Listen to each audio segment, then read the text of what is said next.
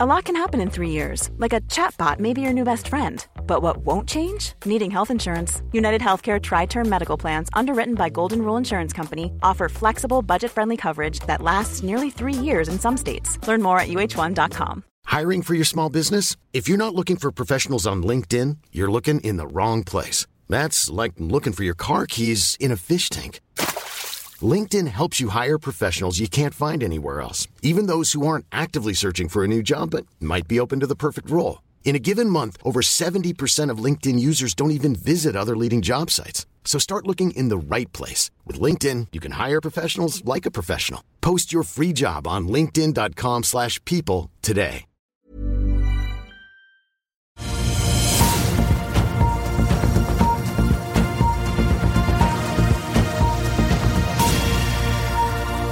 En riktig god mandagsmorgen alle sammen, og velkommen til Børsmorgen her hos oss i Finansavisen. Mitt navn er Marius Lorentzen, sammen med Karl Johan Målnes her på Smestadammen i Oslo på den 18. september. Jan Petter Schissner er vår gjest i dag, og dagens kalender er full allerede, får vi si.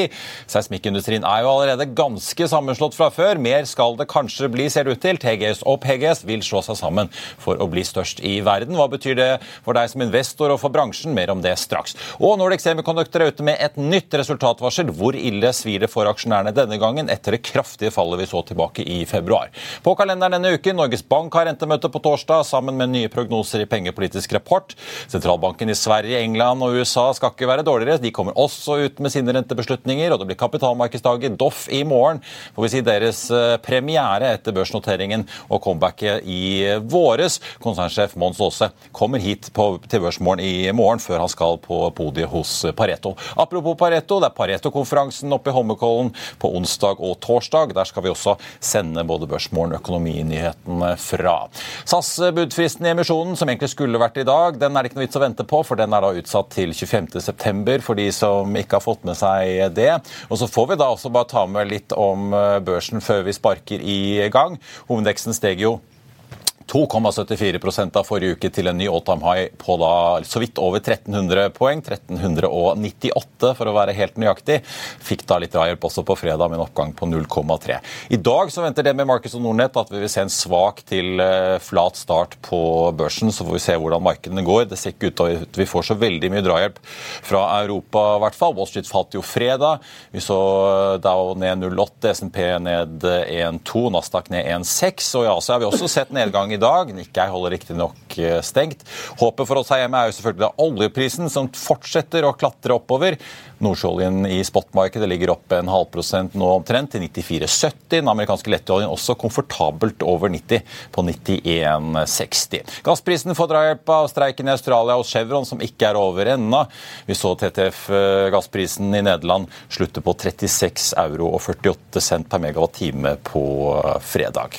Før vi kaster oss over Nordic Semi og TGS PGS, tenkte jeg også bare å nevne at Gaming Innovation Group melder at deres konsernsjef Richard Brown går av på dagen over en rådgiverstilling inntil videre. Selskapet står midt oppe i en strategisk gjennomgang, og styreleder Petter Nylander skal da fungere som daglig leder inntil splitten er eh, gjennomført.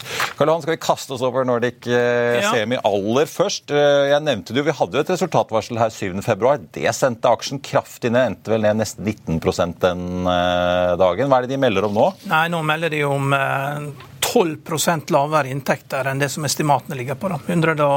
100 Konsensusestimat var 156 millioner. Nå guider de mellom 135 og 140, og 12 ned. I tillegg så guider de ned margin, bruttomargin med 1,5 Og Det betyr at uh, Nordic Semi går fra overskudd til underskudd. Det går fra å få nettoresultat på minus 9 til iallfall kanskje minus 4, minus 5. Og, og nå snakker vi tredje kvartal. Tredje kvartal, ja. Og, og, eh, det man må følge med på her, er jo Der er jo to analytikere som, er, uh, som har hatt rytmen på dette. her. Det er Sparebank1 Markets med kursmål 100 100 og Danske Bank med kursmål 110. Og Danske Bank det ligger på det tekniske støttenivået ligger på rundt 108. Det er liksom der, der, det, der er det et støttenivå. Så hvis den bryter ned gjennom det, da, så, så, er det liksom det er langt ned til neste tekniske støttenivå. Da. Og Det betyr jo noe, for det er jo algoritmene som styrer kursene på kort sikt. Og eh, Så følg med hva Sparebank1 Markets gjør, hva, hva, de gjør med sine kursmål, og hva Danske Bank gjør med sine kursmålanbefalinger. De to salgsanbefalingene alle de andre analytikerne kommer jo bare til å løpe etter nedover da, å senke sine kursmål. Så det, det, det, trenger ikke man å tenke så mye på hva de gjør, for de, er, de har mista bussen, for å si det sånn. Ja, den, eh, ja. Vi skal følge med hva Ditto Melgusen gjør. Den henter seg aldri inn igjen etter februar. Da falt den ned til 138, så enten fredag på 122 kroner i aksjen. De skriver at den innhentingen som de ventet i andre halvår i år, har ikke kommet. og De vil heller ikke si noe om fjerde kvartal før da Regnskapsrapporten for Q3 kommer litt senere. Taiwan Semiconductor har jo meldt om svakhet i etterspørselen. De leverer jo til konsumenten. Men er det, er det svake, altså et svakt konsummarked for elektronikk som drar dette her ned? Ja, og det, det er jo veldig mye av en nedgangskonjunktur er jo lagerendring. Så det er jo, det, det er jo ikke mer som skal til enn at det ja, produsentene da, kjøper mindre. De trenger ikke å merke det engang på sluttleddet, men det er jo en refleksjon av det de ser. Hvis du selger et eller annet i Nike sant? Nike selger 800 millioner sko i året. Hvis at det du har et eller annet eh, chip eller et eller annet til et eh, konsumentprodukt som et eh, stort amerikansk selskap, så er det enorme volumer. ikke sant? Og iPods og, og, til AirPods og alt dette her. Så det er jo, man merker det. klart det. Du kan ikke øke renten med 4-5 uten at det, det går utover noe. da. Nei. Og det er konsum det går utover. Og nå merker jeg Nordic Semiconductor det, fordi de selger mye til konsum. Tror du vi ser, ser vi kanskje ser ut som vi starter under 10 i dag. Eh, hvordan tror du det vil gå? Nei, Det er spørsmålet om den eh, det er, ned, det er, jo ned, til det støttenivået som er der. Altså det, Bryter de gjennom det, så vet man ikke hvor det går. Da vil jeg diskontere at det blir mye verre senere også. At det er noen som vet nå at uh, dette er ikke over. Men det ligger ikke i informasjonen vi har fått i dag. TGS, PGS, det er kort før vi går til reklame og tar med Jan Petter her. Ja, Det er jo en uh, fusjon som uh, TGS har jo vært desidert bedre enn PGS i snart 20 år. og Dette er resultatet av en strategi der TGS ikke har hatt båter, og PGS har hatt båter. og TGS for to tredjedeler av selskapet, PGS for en tredjedel av selskapet. og De sier at de skal hente ut 50 millioner dollar i synergier. Da legger du sammen inntektene for de to selskapene, så har du 1,6 milliarder dollar inntekter for eh, det samlede selskapet et nettoresultat på 160 da, det er 10% Du kan aldri gjøre det sånn. Så det er klart det er en betydelig synergi, da, men det er ikke så enkelt. dette her. Du må først ha kostnaden med å ta dette ut, og så tipper jeg at TGS vil prøve å avvende båtene i et, uh, i et nytt selskap. Jeg tror, vil, jeg, jeg, jeg tror ikke de vil sitte med for mye tonnasje. at Deres prinsipp er jo å begynne De later jo som at de er oljeselskap. og og går etter de beste prosjektene. Og Da kan ikke du være avhengig av å ha båter som er rundt omkring. Men dette er en refleksjon at hvor er det man har funnet olje det siste? da? Det er på dypt vann utenfor Guyana, utenfor Vest-Afrika, der, og det er på land. og det, det, er ikke der disse selskapene har sin styrke. Det er i Gulf of Mexico, der det er mange små blokker og mange som skyter seismikk. og Dette er en refleksjon av sannsynligvis at PGS står foran en ganske kraftig profit-warning, vil jeg tippe. Mm, og de var jo allerede Estimat var allerede at de skulle tape penger. Så her er det Og da får vi da eh, PGS var jo sju kjøp og fem salg, og de som har hatt salg, har jo nå fått feil. Og, så det er, jo, eh, det er jo rett og slett en redningsoperasjon. TGS berger PGS fordi at de ikke vil at det skal De er redd for at det ødelegger mer marked hvis noen andre får det, enn at hvis de sjøl tar det. Og Vi får ta med at uh, konsernsjef i TGS, Christian Johansen, som vi har hatt besøk av her før, uh, da er utpekt som ny konsernsjef i det nye sammenslåtte selskapet. Han tar også med finansdirektøren uh, Sven Børre Larsen. TGS tar over TGS. Og Rune Olav Pedersen er tydeligvis på vei ut. Ja. Vi skal ha en veldig kort reklamepause, så skal vi ta med han Petter Sisten. Vi er tilbake rett etter dette. Vil du bli oppdatert på det viktigste som har skjedd innen finans og næringsliv? Da er det bare å følge med, for hver morgen er jeg, Marius Lorentzen og aksjekommentator Karl Johan Malnes på plass i studio for å ta tempen på dagens marked i Børsmorgen. Og hver ettermiddag oppsummerer vi alt du trenger å vite i økonominyhetene, og det blir selvfølgelig masse interessante gjester. Klikk deg inn på fa.no-tv, eller søk opp Børsmorgen og Økonominyhetene der du hører på podkast. When you're ready to pop the question, the last thing you want to do is second guess the ring. At Bluenile.com, you can design a one of a kind ring with the ease and convenience of shopping online. Choose your diamond and setting. When you find the one, you'll get it delivered right to your door. Go to Bluenile.com and use promo code LISTEN to get $50 off your purchase of $500 or more. That's code LISTEN at Bluenile.com for $50 off your purchase. Bluenile.com code LISTEN. I'll see you in court. Vi sier det ofte litt på spøk, men for deg som driver business, er det aldri moro å innse at du ikke har laget en 100% gyldig kontrakt. Du bør ikke risikere hele firmaet ditt fordi du synes dette med kontrakter er litt stress. En avtale er ikke en avtale. Du kan miste kunder, miste venner, ja, til og med miste inntekter om du ikke lager en skikkelig kontrakt, på alt mulig, egentlig. Men vi vet det er et styr, kopimaskiner, tregprinter og haugevis av papir. Dessuten stoler vi jo på folk her i landet. Det er ofte litt kleint å skulle be om en signatur for alt mulig, ja, for mye av styret handler også om jakten på underskriften. Det finnes en enkel måte å løse dette på, Dukkobit, en trygg, effektiv og get this, gratis måte å sikre seg en god natts søvn pluss en juridisk bindende avtale. Dukkobit-appen har de strengeste sikkerhetskrav i bunn, samt en EU-godkjent og sertifisert teknologi. Framover vil det bli behagelig å spørre du, skal vi skrive under på det, eller? Kom i gang på dokobit.no.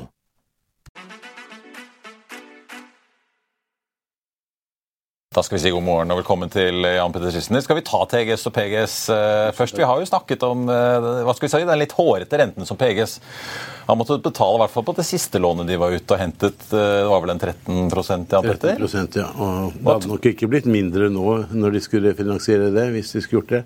Nå ser vi jo PGS-aksjen starter opp nesten 14% TGS ned 5,5 fra start. Ja, altså hvis, hvis, eh, den oppfatningen som presenteres her, er at en rescue operation, eh, sånn fordi man vil ikke at PGS skal havne andre steder eh, Vel, altså TGS har jo hatt muligheten til å kjøpe PGS mange ganger gjennom de siste årene, og har ikke gjort det. og Så kommer de løpende nå. Da er det nok veldig sannsynlig at det er en skvis, som det, som det beskrives. da. Ja. Og, og, Så er jo spørsmålet om de får lov. Eh, de blir jo veldig dominerende på enkelte, enkelte, områder, uten at jeg har det geografisk helt klart. Men det er noen geografiske områder de virkelig kommer til å kontrollere. Så får vi se hva konkurransemyndighetene sier.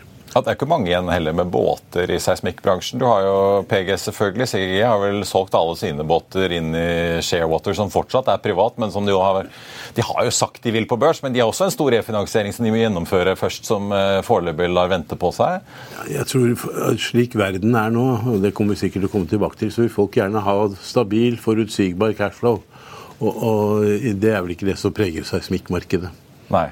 Men man må jo ha seismikk. altså Uansett hvordan man vrir og vender på det, så har jo ikke Exxon og Chevron Equinor tenkt å legge ned. Spør du MDG, så behøver man ikke seismikk. Nei, men det er ikke Siri Stav og Lan Marie Berg jeg spør. Jeg spør egentlig om realitetene på bakken. altså Uansett hvor mye polerte Vi kommer til å ha olje i overskuelig fremtid. Nå har jo verden virkelig investert i fornybar de siste fem årene, f.eks. Og har det påvirket uh, fossil energis markedsandel? Overhodet ikke. Det er fremdeles i overkant av 80% Så det eneste all satsingen på fornybar har greid å demme opp for, er veksten i energietterspørsel. Så ja, vi kommer til å trenge olje, og vi kommer til å trenge seismikk. Så det er jo svaret. Men kan kundene si nei? Altså Equinor, Exxon, disse her? De har ikke noe de skulle sagt. Det eneste de kan stemme med føttene og la være i oppdrag, men det hjelper dem ikke for da får du ikke noe seismikk. Men hva er det jeg skulle til å si? Det er ikke mange igjen, eh, Karl Johan, i denne bransjen heller? Nei, men det er en refleksjon av eh, etterspørselen akkurat nå, da. Det kan jo forandre seg. Ja. Du har men hva tror du? Tror du... Slumberger har jo fremdeles multiklientlagre, da. men har jo evnen til å låne inn eller hyre inn båter hvis de skulle ønske dem. Ja. Men apropos disse båtene, TGS har jo alltid vært, har hatt en sånn veldig kapitallett modell. De har ikke eid båter selv. Hva tror du endgame blir hos Christian Johansen nå? Nå får han jo, hvis de slår seg sammen, i utgangspunktet i hvert fall inn disse båtene? Det kan vel være at det der med båter Det har vel ikke vært bygget nye streamlinere eller streamere på flere, flere år. og da er det vel kanskje en situasjon nå hvor han ser at de andre hovedkonkurrentene heller ikke har båter, og at de slåss om de samme båtene. At det kanskje er like greit å kjøpe dem og få kontroll på dem. For han, får de jo ikke, han betaler ikke spesielt mye i forhold til nybyggingskost. Nei. Nordic Semi, da, før vi kaster oss over alt mulig andre vi skulle snakke om, ned 15% nå på en hovedvekst som er så vidt uh, ned 0,06 fra start. Um, overrasket over at de igjen kommer med et resultatvarsel? Ja, og jeg, jeg er det. Det må jeg bare innrømme. Det har vel ligget litt i kortene. Det har vært nå noen uker og måneder med kontinuerlige nedgraderinger og store short-posisjoner som har bygget seg. Eh, Så jeg mener jo at en god del av dette ligger i, i prisen. Det som er spørsmålet, er jo om det blir bedre. Eller hvor lenge skal det bli dårligere før det blir bedre. Men hva er vi på nå? To ganger salg, og jeg er ikke veldig engstelig for eh, noe over tid. Men det er klart vi kan godt drifte lenger ned nå. 100 kroner tror jeg vil være en bunn denne gangen, sånn mentalt i hodet mitt. Det vil jo være 17-18% ned. Jeg vet ikke hvor vi ligger Da nå. har, du fi- da har du 4 kroner og 25 å gå på. Nå er den på 104,25. Ja. Så, men det er synd, for dette Men jeg ser på dette som en refleksjon av hvor verdensøkonomien befinner seg. Vi er altså Konsumenten får juling all over the place, og, og han kutter forbruket sitt på sånne ting som er nice to have og ikke need to have. Og dessverre så er jo nådd mange produkter som er nice to have. ja. Så Men begynner, du, ja, men begynner du å se en bunn på disse? Vi har jo en god del konsumeksponerte aksjer. En ting er jo de åpenbare sånn retail som XXL, elektroimportøren. Vi har jo Orkla også, men der er det jo kanskje litt Du er litt mer beskyttet at folk skal ha Grandiosa en del sånne varer uansett. Det skal du, og du skal, men om du kjøper Grandiosa eller andre pizza, det skal jeg ha ut, uuttalt. Men det er jo virksomheter som lever godt uansett. For Ja. de spiser slabberus leverpostei, fins jo ikke noe alternativ til. Nei. Men elektroimportøren XXL, vi har Kid, vi har jo mange andre øh, selskaper hvor jo hvis det blir skikkelig ille, så kan jo folk bare slutte å gå i disse butikkene. Og det kommer de nok til å gjøre. og Husk på at vi er gjennom en pandemi, og i løpet av pandemien så brukte folk veldig mye penger på to ting. Det ene var å pusse opp, altså elektroimportøren, og øh, kjøpte litt hos Kid også, naturligvis. Eh, og de brukte på, penger på sportsutstyr, for de måtte jo ut i marka. Det var det eneste aktivitetsnivået de omtrent hadde. Og så brukte de penger på IT-utstyr. Og det med IT-utstyr har jo gjort at eh, etterspørselen etter PC-er og alt sånt, og printer, alt har jo eh, falt ganske mye. Og så har det jo vært en, en sånn supply chain-problematikk som gjør at folk har overbestilt. Og kjøpte inn for lager for at ja, jeg bestiller 100, for da får jeg kanskje levert 50 eller 40. Men så viser det at eh, av de 50 de fikk levert, så var det bare behov for 30. Så, eh, og dette kommer til å prege markedet mens vi jobber oss gjennom eh, lagersituasjonen. Men jeg tror også etterspørselssituasjonen øh, kommer til å komme ned. Altså, det er begrenset så mye juling øh, konsumenten tåler. Hvis du ser hva vi har fått i Norge, så har du fått økt eiendomsskatt, og fått økt energipriser, du har fått økt andre skatter, økt formuesskatt. eh, Økte, sterkt økte matvarepriser. Og, og det, er, det å være en sånn vanlig konsument i dag, det er ikke, noe, det er ikke enkelt. Du er kutter. Men er det priset inn i disse øh, konsumaksjene på børsen, da? Ja, noen kanskje, men eh, løper du og kjøper nytt skiutstyr når du har nytt fra i fjor eller forfjor? Du gjør jo ikke det. Det, det fungerer helt utmerket det du har. Ja. Og, og det, jeg ville ikke løpt og kjøpt XXL nå. Jeg vil vente jeg ser konturer til at uh, konsumenten får det bedre. Ser det i boligmarkedet òg. Liksom, boligprisene dine faller enten du liker det eller ikke. Og i hvert fall så stiger det ikke så mye som du burde stige med den renten du har nå. Så Vi hadde jo øh, DB Marcus på besøk her på fredag. Paul Harper sa at det er egentlig bare energi som han ikke syns øh, er litt vel dyrt på børsen om dagen. Og selv der begynner det å nærme seg liksom en fair prising, mener han. Hvordan ser dere på det nå? På? Altså, vi, at, vi er jo de få som tror at olje er kjempespennende, vi da. Og olje og energi generelt. Og jeg mener jo seriøst at eh, den europeiske investoren slash konsumenten er altfor complacent hva gjelder gass, f.eks. Ja, gasslagrene er fulle. eh, Og det går sikkert kjempefint hvis du får en enkel vinter som vi hadde i fjor. Skulle du få en streng vinter, så er det jo shortage. så Da kommer gassprisene gå til himmels igjen. Altså, man får jo ikke løst, eh, kan du si, energibehovet i Europa på en eh, sikker og trygg og stabil måte, med liksom tilfeldig eh, innkjøp av gass. Så, eh, og det, jeg syns jo ikke verken gassprisen eller oljeprisenes den oppgangen som har vært, er overhodet reflektert i aksjekursene på Nei, for når Vi nå ligger på en, vi snuser jo på 95 dollar, hvis jeg. det var det med hovedveksten med vår og Aker BP og Equinor som tikker oppover. Ja, det, og det burde det jo gjøre. fordi altså, avkastningen er jo eh, direkte. altså Jeg tror 11 eh, direkteavkastning får du på oljeaksjene nå. altså Hvis du kombinerer utbytte og tilbakekjøp på de store sånn Total, BP, sikkert Equinor og andre, så får du borti 10-11% Indeksen gir i hvert fall 11% direkteavkastning. Og det er For alle solmerker og dermed så er det veldig bra. Det er jo hyggelig hvis du faktisk, ja, hvis du ender opp med å få det. Men dere er jo store i Total bl.a. Men ville du gått inn i Total Equinor og disse nå, eller er det litt for sent? Nei, jeg syns ikke det. Altså, vi, vi, tror jo at uh, altså, Jeg er mer sikker på at oljeprisen kan gå i 150 enn at den går i 50. For å si det veldig forsiktig. Og, og, og folk jo, har jo vært veldig bedre i olje. Og, det de glemmer i den sammenhengen, er jo at uh, altså, de, hadde rett i at russisk olje den fortsetter å komme inn i markedet. Der hvor de tok feil, er jo at uh, Saudi kutter produksjonen. Og det, nå har jo Russland kuttet produksjonen også. Så uh, det er et, et marked som er ikke lett å forutsi. Men at verdens behov for energi, verdens behov for olje, kommer til å vedvare langt utover det alle grønne ønsker seg.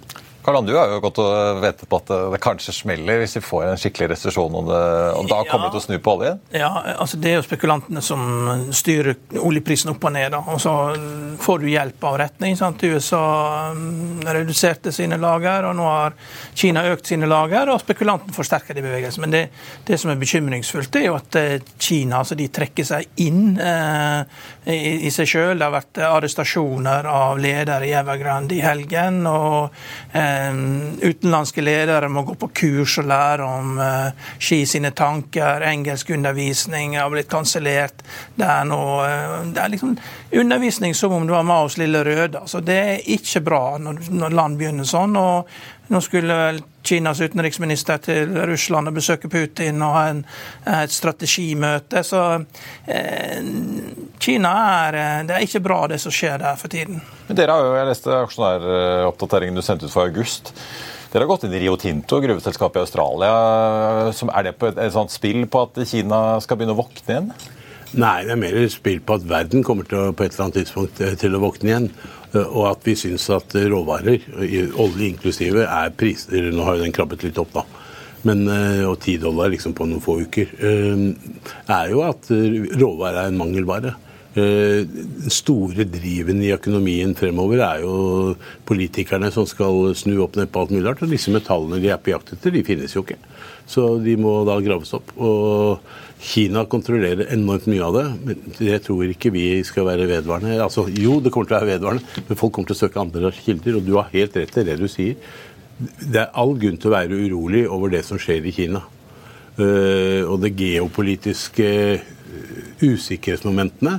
Kina, Taiwan, Kina, USA, teknologikrig, amerikanske selskaper som slutter å bygge i Kina, men begynner å bygge i India osv.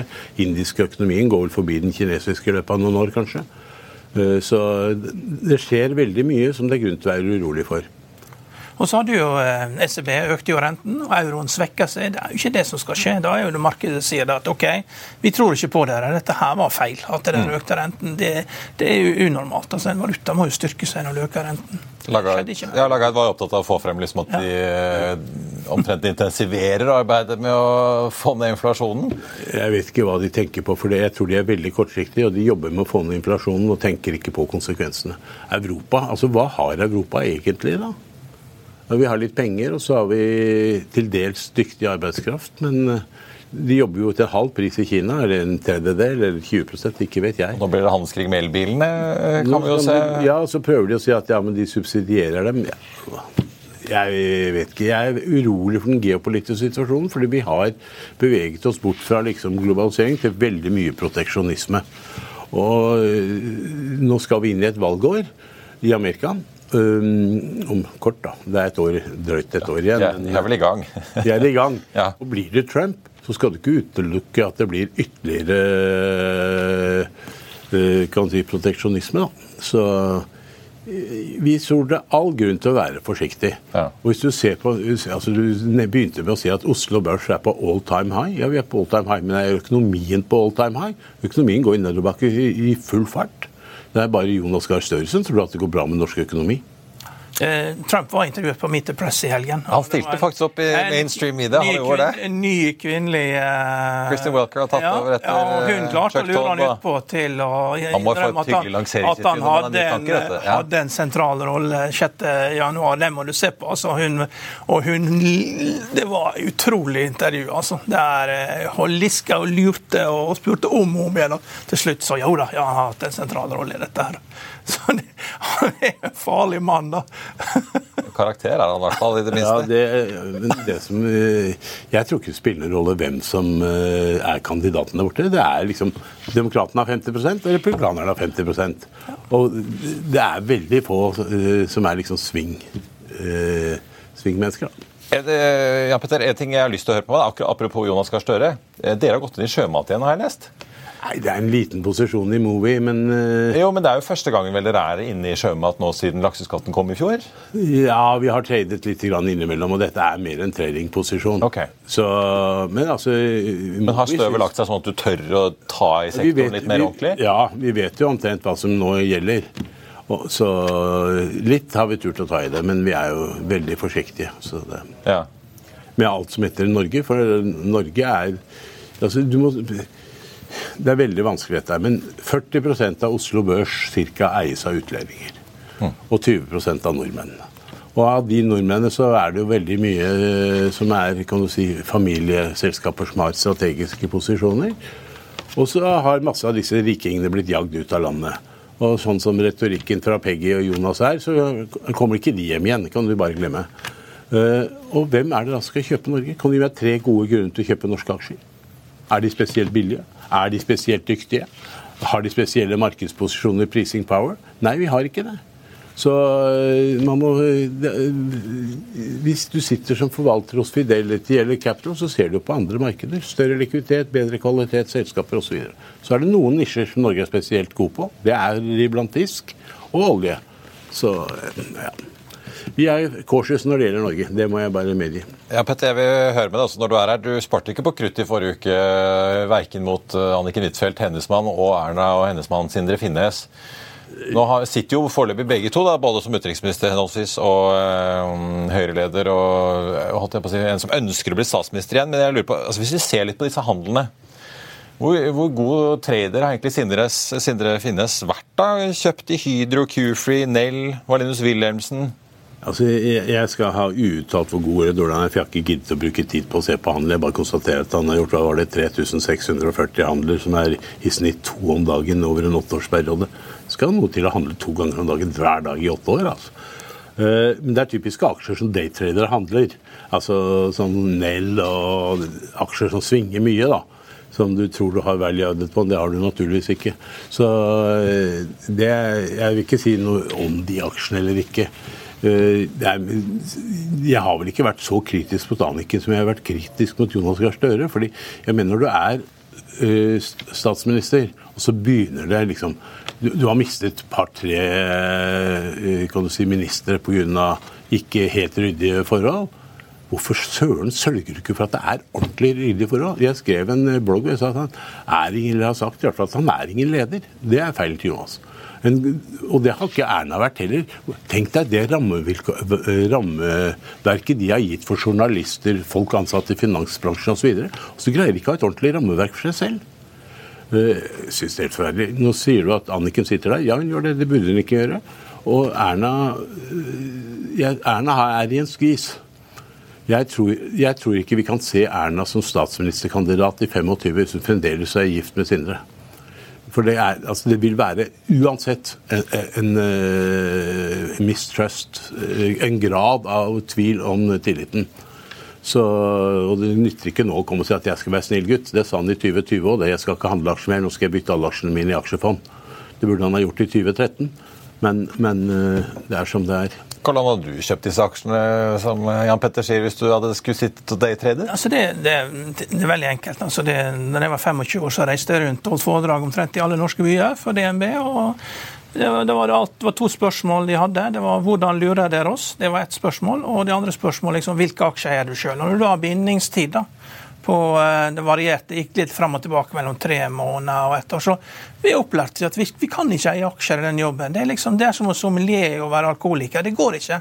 Du, du, du det, ikke. Det går ikke i lengden. Liksom. Det går ikke. Du kan ikke gjøre det. Du, vi er opplært til dette, så da lærer du deg til at du bruker fond og veksler mellom aksjefond og pengemarkedsfond. Men det er klart, når det var pandemi, så jobba ikke i finansbransjen. Og det var veldig gøy å sitte hjemme og handle aksjer. Jeg forstår jo det, altså. Det, jo det, var, kjempe, det var kjempegøy, det. Ja. For jeg jobber ikke i finansbransjen. Så jeg forstår jo hvorfor jeg gjør dette. her og Det er bare tragisk at det skjer, dette her. Men hvor kommer liksom, særlig tenker sånn, ja, Valenius Wilhelmsen kan jo si da, men altså Norsk Hydro, er ikke det bare et spill på aluminiumsprisene? Er det noe liksom det, det Svinger den så mye? Det, det, når, du, ja. når, du, snakker om fordi Hydro, hvis du går tilbake til pandemiperioden, da, så har Hydro handlet under bok på sånn 3-4-25 kroner. Og da, du hadde et fantastisk breakup-case på Hydro den gangen, hvor du kunne spinne av disse fantastiske kraftbitene. Kraft, aluminium og, Kraft, aluminium og dele selskapet. Det, og det, Hydro er jo likvid, det er kvalitetsselskap på alle områder. Men, men eh, Nell og et par andre det vel ikke, går ikke i samme kategorien. Du snakker om at du har ikke handlet. I finansbransjen slutter man jo å handle aksjer på 1990-tallet. Da fikk du disse reglene, var umulighet. Og det gjelder ektefellene òg. Orket jo ikke masse. Ja.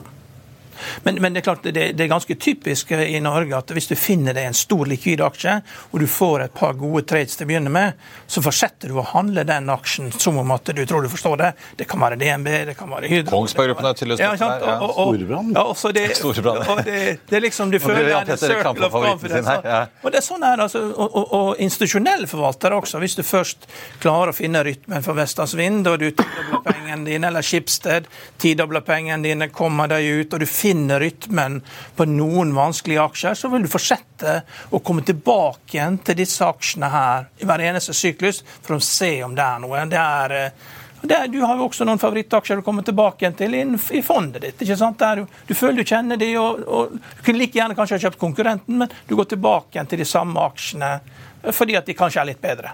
Ja, for, så kan vi ta det til slutt. Storebrand, som jo er din favoritt. Finansaksjene nå, da? Altså, Hvordan ligger de an? Nå begynner vi kanskje å se rentetoppen, toppen av fjellet? Jeg tror finansaksjene ligger veldig godt an, jeg, særlig forsikring. Nå vil jeg kanskje være litt forsiktig med gjensidige inntil tallene er ute. For Jeg vet ikke hvor mye disse flomskadene har kostet dem, men det har kostet mye. For de har store markedsandeler i de områdene hvor, hvor uh, de største skadene er. Så er det jo en del som dekkes av Naturskadefondet, men det er langt fra alt. Så La oss få de tallene bak oss, så vi vet hva vi forholder oss til. Men gjensidig på 150-60 kroner, tror ikke det er eh, det verste man kan kjøpe. Så nå skal jeg på konferanse i London disse nærmeste dagene og høre på alle disse selskapene, deriblant også gjensidige. Jeg tror eh, finansaksjen, eller finanssektoren, fremdeles er et trygt sted å være du, du, får ikke noe store tap i Norge på bolig eller noe sånt. Og det har jo ikke skjedd. Det skjedde ikke i 1990-92. Det kommer ikke til å skje nå heller. Og med den byggeaktiviteten som er nå, så er det bare et tidsspørsmål før boligmarkedet snur oppover igjen. Der hvor det er press, er jo fra toppen. For der har jo mesteparten av de kjøperne flyttet ut. Mm. Og hvis ikke Jonas tar seg sammen, så kommer det være flere som flytter ut.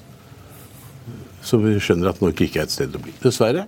Så, men Storebrand du var innom det i sted, sier du bare energivla er billig. Finanssektoren, i Europa i hvert fall, er kjempebillig.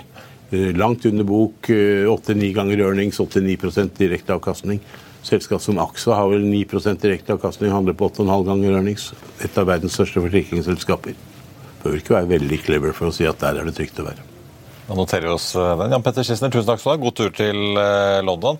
Hovedveksten på Oslo Børs ned 0,3% nå. Nordic Semi sliter fortsatt ned rundt 15. TGS ned 6,3. PGS opp 8. Det svinger en god del. PGS har mistet litt av høyden de hadde. Gjensidig da på 1,85 får vi nevne. Golden Ocean ned 1,5% i dag. Ligger nå på 1,81,70. Grunnen til at jeg sier det, Cleaves eh, Securities nedgraderer Golden Ocean da fra kjøp til hold, kutter sitt kursmål fra 15 dollar til 7,10. Eh, så skal ikke jeg ta akkurat den i hodet, men det er jo omtrent da, i området i hvert fall litt nærmere der vi ligger nå enn det de lå på før. 2020 Bulkers tar de også nedgraderer fra, hold til, eh, altså fra kjøp til hold. Senker kursmål der fra 1,82 til 85.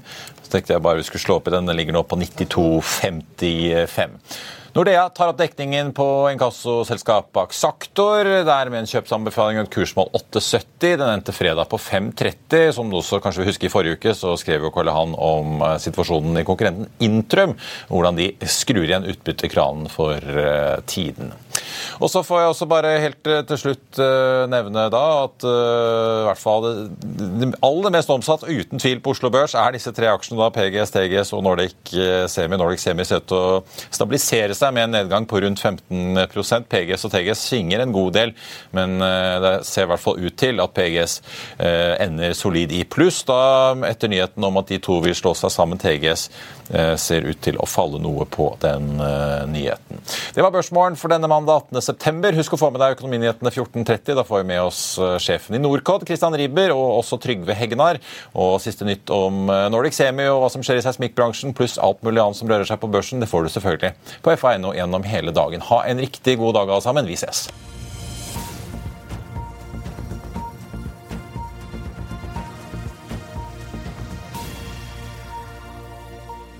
Økonominyhetene er en podkast fra Finansavisen. Programledere er Marius Lorentzen, Stein Ove Haugen og Benedikte Storm Bamvik. Produsenter er Lars Brenden Skram og Bashar Johar.